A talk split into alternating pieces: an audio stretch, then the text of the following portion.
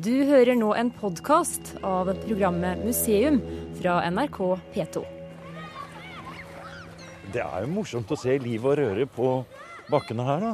Det er eh, både ute, og nå ser vi inn i Jeg ser det. Det er der. fullt i alle husa. Der fyrer de på peisen, og der er det Ja. innjenta som eh, er litt rappkjefte og, og litt i konflikt med fru Weidmann. Ja, eh, Og har, eh, er bekymret for det er eh, dårlige tider og Ja. matmangel. og poteten har Det er Arne Julsrud Berg, direktør på Mjøsmuseet, som har tatt oss med rundt blant de mange intakte bygningene på Stenberg gård i Vestre Toten. Her er vi midt inne i 1800-tallets embetsmannsstat.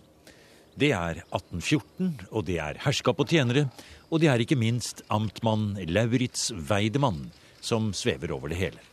Vi skal nok høre mer både om amtmannen og hans kone Ditle Wine, som nå er udødeliggjort med en flott kokebok fra 1800-tallets kjøkken.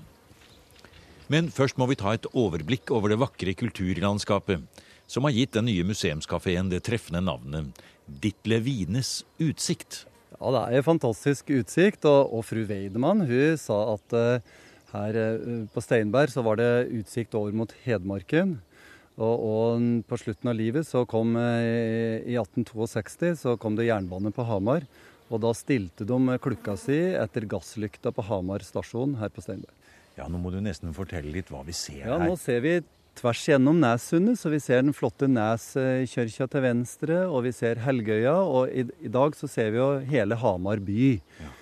Eh, og så ser vi nedover i Totenbygda mot Hoff og Belke, med middelalderkirker, eh, veldig gamle mm, eh, bosettinger eh, ta, ta forskjellig slag, og en veldig omfattende eldre jernaldersbosetting. da.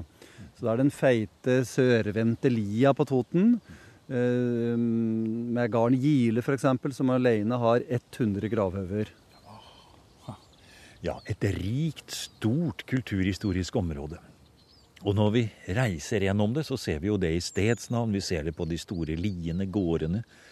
Men det er jo også en annen historie. Det er historien om hvordan første del av 1800-tallet også var en periode med hvor det bodde veldig mange her som kanskje ikke hadde det materielt så bra. Det var stort husmannsvesen her også. Ja, I folketelling i 1801 så var Toten det folkerikeste prestegjeldet i Norge. Og det var et uh, stort uh, klasseskille. Og flertallet av befolkningen var jo husmenn og levde uh, på det vi i dag vil kalle et eksistensminimum. Men kommunikasjonen på Mjøsa, altså utbyggingen av dampskipstrafikken på Mjøsa, åpner jo hele Mjøsdistriktet som et marked mot Kristiania. Eh, Som fører til at eh, det næringsmessig blir mer bindinger dit, og det får en tidlig industrialisering. Men hvis vi nå holder oss litt til starten av 1800-tallet, i denne perioden vi skal litt inn i her nå, som har med 1814 å gjøre, og den første delen av 1800-tallet, så var det jo sånn at Norge var i krig. Eh, det var blokader av havnene. Tilførsel av korn f.eks. ble stanset helt opp, og i Danmark måtte man organisere nødstrafikk med dette kornet for å redde folk fra hungersnød, faktisk. Og selv i disse store, rike bygdene vi ser rundt oss her, så ble det mangel på mat. Ja, og det er veldig spesielt. I historisk periode så er det det eneste perioden vi kjenner til det. Og det opprøret som ble gjort mot fogden Scholz her, det var med bønder fra Eina. Eina ligger 400 meter over havet, så der slo avlingen feil. Mens eh, på, eh, i den sentrale bygda på Toten så var det et stort uh, kønnoverskudd. Så dette Mjøsdistriktet er jo et av kønnkamera i, i, i Norge. Men, men sjøl her, altså i utkantområdet opp mot åsen og høyereliggende, så var det, en, eh, var det matmangel. Var det i 1812 at dette opprøret var? Opprøret var i 1813. 1813, ja. Og dette er jo altså akkurat ved introduksjonen av poteta. ja. Så når poteten eh, kommer for, eh, for fullt, så er det jo det som redder Det redder Toten. Helt klart. eh, altså Det var noe som alle kunne dyrke. Og etter at poteten ble eh, introdusert, så, så har vi ingen eksempler på den typen matmangel eh, her i distriktet. Men det var et veldig alvorlig opprør. Ja, det var, en, eh, det var, sult og nød, og de visste at på fogdens eh, stabbur på gården Breili i Nordlia, der var det kønn å få. og De ville at eh, han skulle fordele ut det til bøndene på. Eh, fikk de det, da? Det, de tok seg inn med, ved bruk av vold og, og, og stal kønn. da. Og det ble et voldsomt rettsoppgjør som sorenskriver Weidemann administrerte. Herfra gården her? Der var det. Ja. Og flere fikk en hard dom. Ja. Og dommen, den lot amtmann Lauritz Weidmann falle i den store stua i annen etasje på Stenberg gård, som står den dag i dag slik den var den gangen. Dette store gårdsanlegget med våningshus og driftsbygninger, romantisk hage, bekk som sildrer, alleer og 400 mål inn- og utmark, beitemarker og enger ble fredet allerede i 1924. Men, sier direktør Arne Julsrud Berg, selv om det ser flott ut, så var nok ikke denne embetsmannsgården en typisk bondegård på Toten. Ja, Det er veldig storslagent, og det er estetikken som er førende. Altså En Totenbonde ville aldri satt stabburet sitt én eh, meter unna unna to nabobygninger. Nei, for da, er brannfaren kan jo ødelegge det. Ja da, men eh, Weidemann var opptatt av symmetrien, så her er det et vognskjøl f.eks. som er kjempehøyt for at det skulle stå i stil ved, med kontorbygningen ved sida av. Så her er det brukt masse penger på estetikk. Og det er en et fjøs- og låvebygning i, i, kalkstein som er altfor stor i forhold til den i gården. Så man kan si at dette her var tidlige 1800-talls eh, byfolka kommer på landet og lager seg et bilde? Helt klart. Han var eh, Jeg kaller han eh, en av Norges første 68-er. Altså det var katt og kaniner litt. Altså han det var, Dette er en liten Totengard. Men huset og parken er storslagent. Men det økonomiske grunnlaget i gården er veldig dårlig. Men eh, økonomien henter jo eh, sorenskriveren Amtmann fra andre plasser. Men han var veldig opptatt av husdyrhold og modernisere gardsdrifta. Og dette var hobbyen hans, altså, rett og slett. Weidemann kom fra flere generasjoner med sorenskriver og embetsmenn, og hadde sine familierøtter dypt plantet i de rike og store gårdene på Toten, da han og ditt levine kom til Stenberg gård i 1802. De fikk ti barn. Noen levde, og noen døde. Amtmannen selv gikk ut av tiden omtrent midt på 1800-tallet. Men de tre ugifte døtrene og en bror ble værende til den siste ble båret ut i 1902. Og fra da av har tiden mer eller mindre stått stille. Ja, Nå går vi på aksen som eh, Weidemann anla. Den er 300 meter, og alle husa ble satt opp i den aksen. Og gamle hus ble flytt inn og ryddet inn eh, symmetrisk. Og parkanlegget, som er på hele 30 mål, eh, er jo mm, et romantisk parkanlegg som var anlagt tidligere, men som han da gjorde om i sin, eh, i sin ånd. Og her har vi en allé, og den går opp til Gravhaugen. Og der ligger hele Weidemannsfamilien gravlagt. Og der er det et gravkapell. Der eh, Weidemann ble satt inn i gravkapellet når han døde i 1856. Og han bestemte at ingen av familien skulle gravlegges før ett år etter den siste var død. Og den siste av Antmanns døtre døde i 1901, så hele familien ble gravlagt i 1902. Og da hadde han sittet der inne i gravkapellet i nesten 50 år. Og Det var en ganske spesiell historie som ga jo en spesiell aura rundt gården her på slutten av 1800-tallet. Når en visste at det lå så mange folk inne i dette gravkapellet. Og alt er bevara i dag med gravkapell og, og gravsted, og vi ivaretar det på en verdig måte.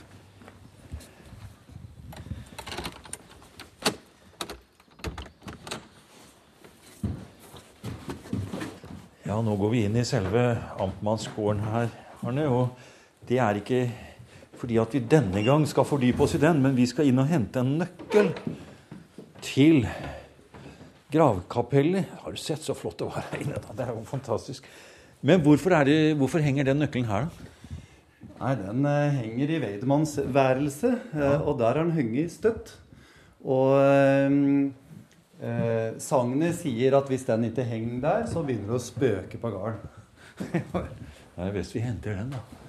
Og disse farvene vi ser her, er det De er jo selvfølgelig originale farver. Er, de er lasert på en slags uh, måte, kan vi si. Ja, Det er ganske utrolig, men hvis vi ser uh, altså maling Det er ikke blitt restaurert innvendig denne bygningen Sea Weidemann-familien bodde her. Og uh, hvis vi ser på vindusgrinden her, så har de en ganske tynn gråmaling. Og det laget der har vi hatt malingsundersøkelser på, og det, ble, eh, det laget vi ser i dag, det ble målet på i 1795. Ha. Er det mulig? Så anlegget blir jo brukt som et referanseanlegg eh, både av Riksantikvarens folk og når Eidsvoll-bygningen skulle restaureres, spesielt kjelleren med kjøkken og slikt, så var de her og, og målte opp peis og, og interiør fra kjøkkenet. Og apropos peis og kjøkken og matlaging. Nå skal vi snart smake på Ditle Wienes retter fra den historiske kokeboken. Men i formidlingen på Amtmannsgården på Stenberg i Vestre Toten, så fortelles det også om de usynlige hendene som hogde veden og som lagde maten, redde opp sengene og bar inn vann. Og Arbeidstida på en Totengard i 1814 den begynte klokka fire om morgenen og etter klokka seks, eh, som ble vanlig i siste halvdel på 1800-tallet. Så de eh, begynte mm, tidlig om morgenen. fikk en, Kara fikk en dram og en kavring, og så var det rett i arbeid. Og så var det førduggen, altså frokosten, eh, da klokka halv sju. Og kvinnfolka de sto da opp og begynte òg klokka fire å gjøre klart maten. Så det var en veldig lang arbeidsdag med mye hardt manuelt arbeid. Spesielt det trøskinga eh, på trøskeloven om vinteren og eh, hjemkjøringa av ved fra bygdeallmenninga. Så vi har lagt veldig vekt på ved. Den ene bygningen i tunet her er skåren. Mm. Og på um, denne gården så regner vi med at det har gått noe over 200 kubikkmeter med ved i året. Går det an å komme inn og se på den veden? Ja. Det kan vi gjøre. For jeg, Du har fortalt meg nemlig det at det finnes mange slags ved, og det visste de godt om her den gangen de skulle fyre. Det gjorde de, og vi opplever eller kanskje at det, dette med ved har vært litt underkommunisert. altså Det er så alminnelig. Både du og jeg høy ved. Og, og, men vi har uh, hatt noen som har jobbet mye med uh, ved, og åssen vedforbruket var da i for 200 eh, år siden og funnet mye spennende nytt stoff. Dægen, for noen nøkler du hadde der, du. Ja. Det er voksne nøkler. Her er eh, alle låsa nummererte fra Weidemanns side. Her, ja. Her er vi inne i skolen, ja. Her. Nå går, går vi inn her.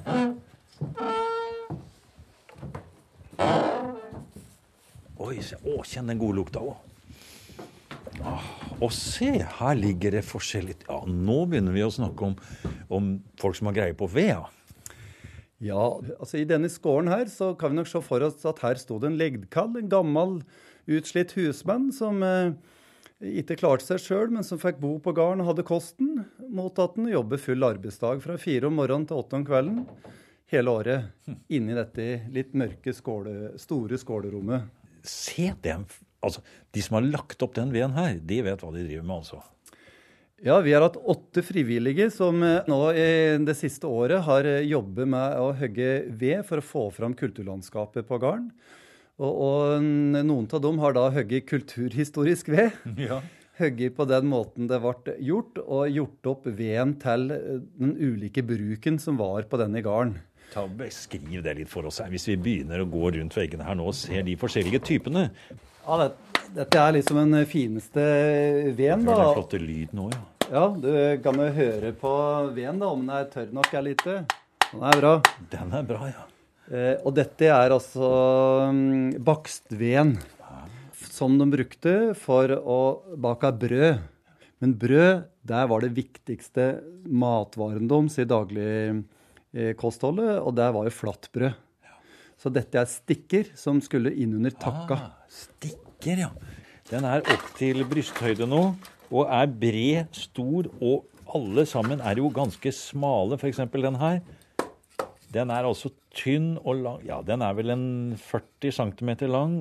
Ja, dette er, en, dette er for å, å bake, bake flatbrød, og da må du ha en veldig høy varme. Og du må ha en jevn varme som du kan regulere hele tida. Så du måtte hele tida legge innpå tynne, tynne stikker. Så der var den. Og den neste som Neste, ja. her, Har du sett? Ja. her ser du at det er litt forskjellig mm, løvved. Oh, ja. Blandingsved. Her er det ørder og osp og Det er ganske bra dimensjoner. og, og litt grov ved, litt lang ved. Dette er peisveden. Og her på gården er det fire peiser. Og ehm, det var jo der maten ble laga. Dette er jo før kjøkkenkomfyren kom. Eh, så det gikk store mengder med peisved. Og det vi ikke tenker på i dag, det er jo at du de måtte jo lage like mye mat om sommeren som om vinteren. Så de, det gikk jo enorme mengder med ved gjennom hele sommeren. Men på den varmeste tida så fyrte de under gryten eh, på, på kjøkkenet i peisen med løvkjerv og kvist.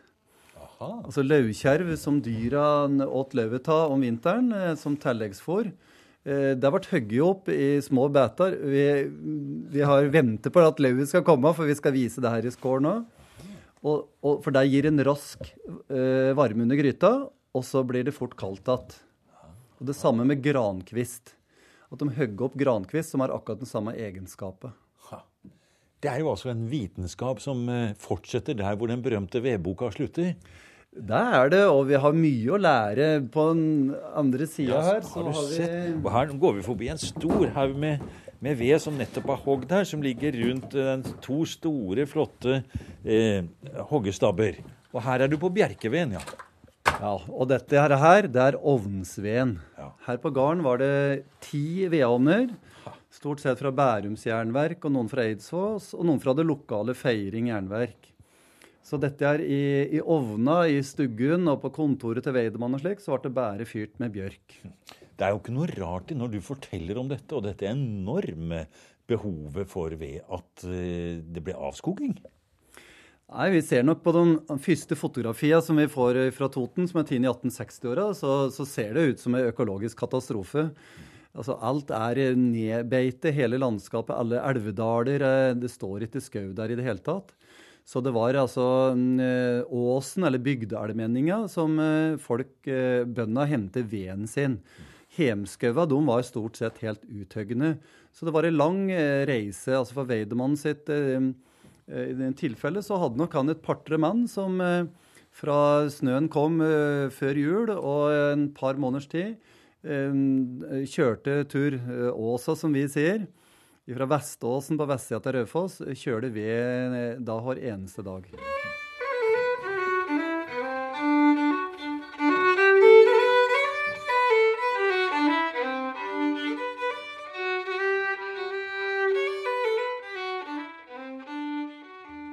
På vei ned til den nye museumskafeen Ditle Wienes Utsikt sender Mjøsmuseets tradisjonsmusikkarkivar Stein O. Villa med oss en liten smakebit av en springdans etter Hans Vestli fra Torpa.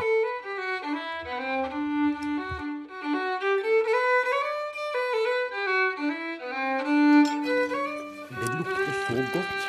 Du ser, men du må si hva det er. Ja, det er løksuppe Charlotte. Som da er løket fra hagen her.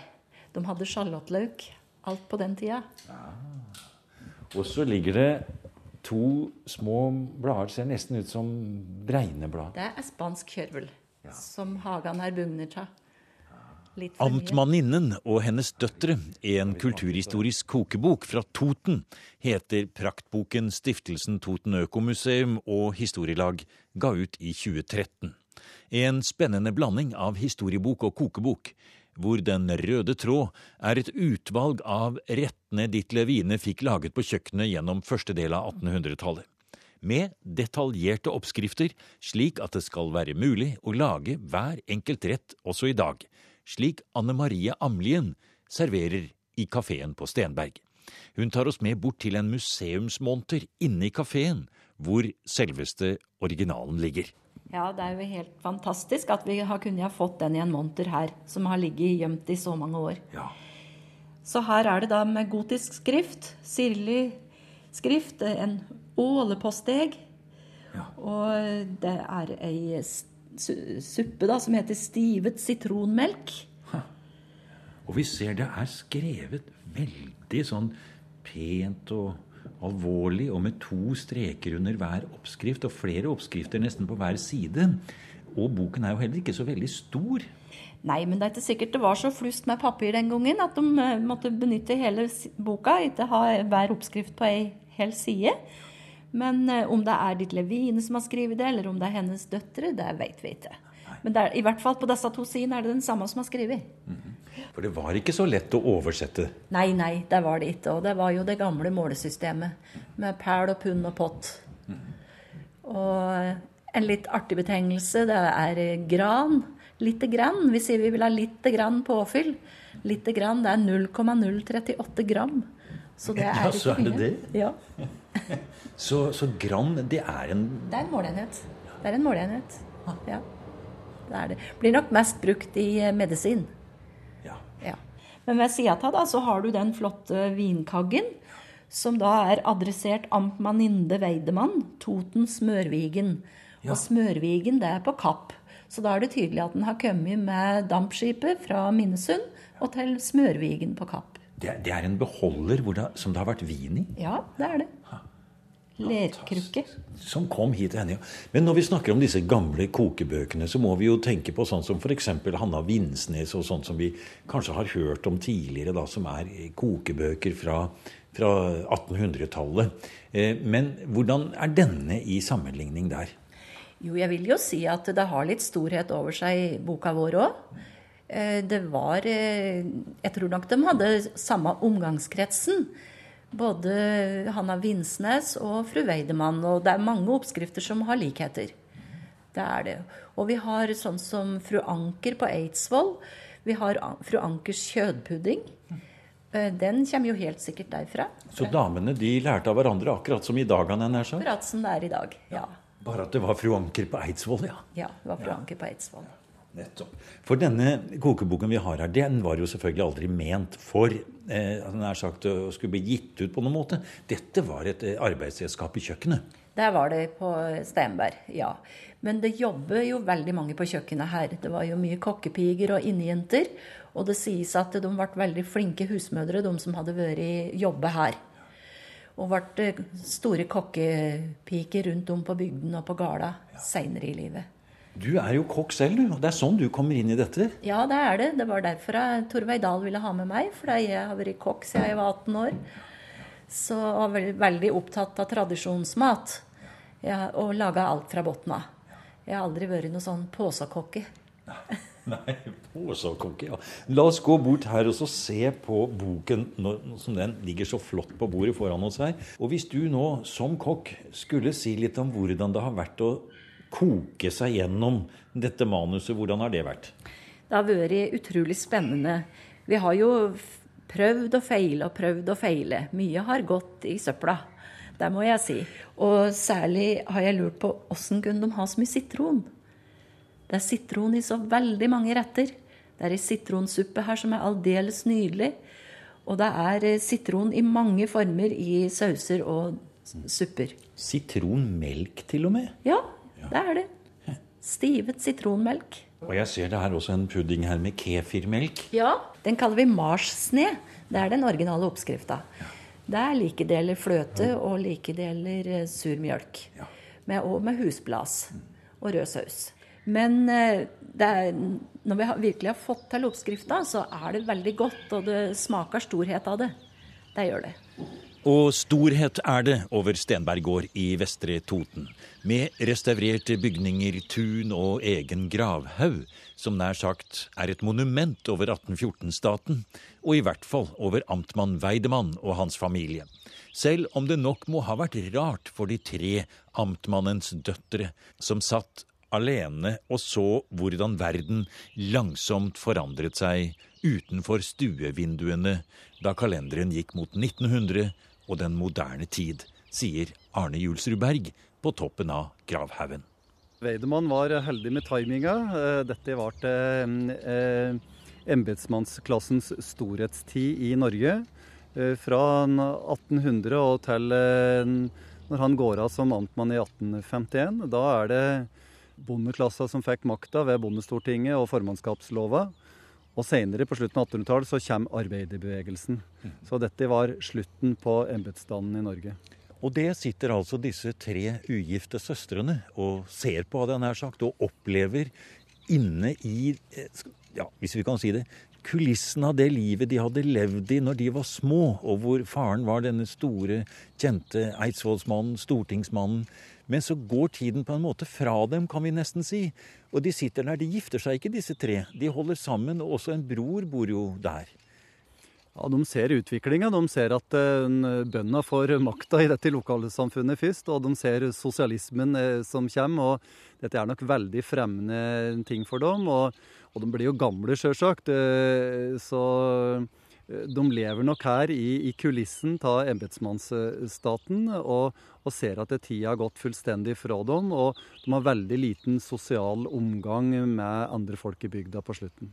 Det gamle embetsmannsmiljøet ble borte, og deler av kulturen med fransesedans og bostonspill ble adoptert av bøndene, som etter hvert ble mer kultiverte. Men, men, den gamle kulturen som vi finner på begynnelsen av 1800-tallet, den ble helt borte. Den er begravd her? Den er begravd her. Du har nå hørt en podkast av programmet Museum fra NRK P2. Og send gjerne en e-post til museum krøllalfa nrk.no.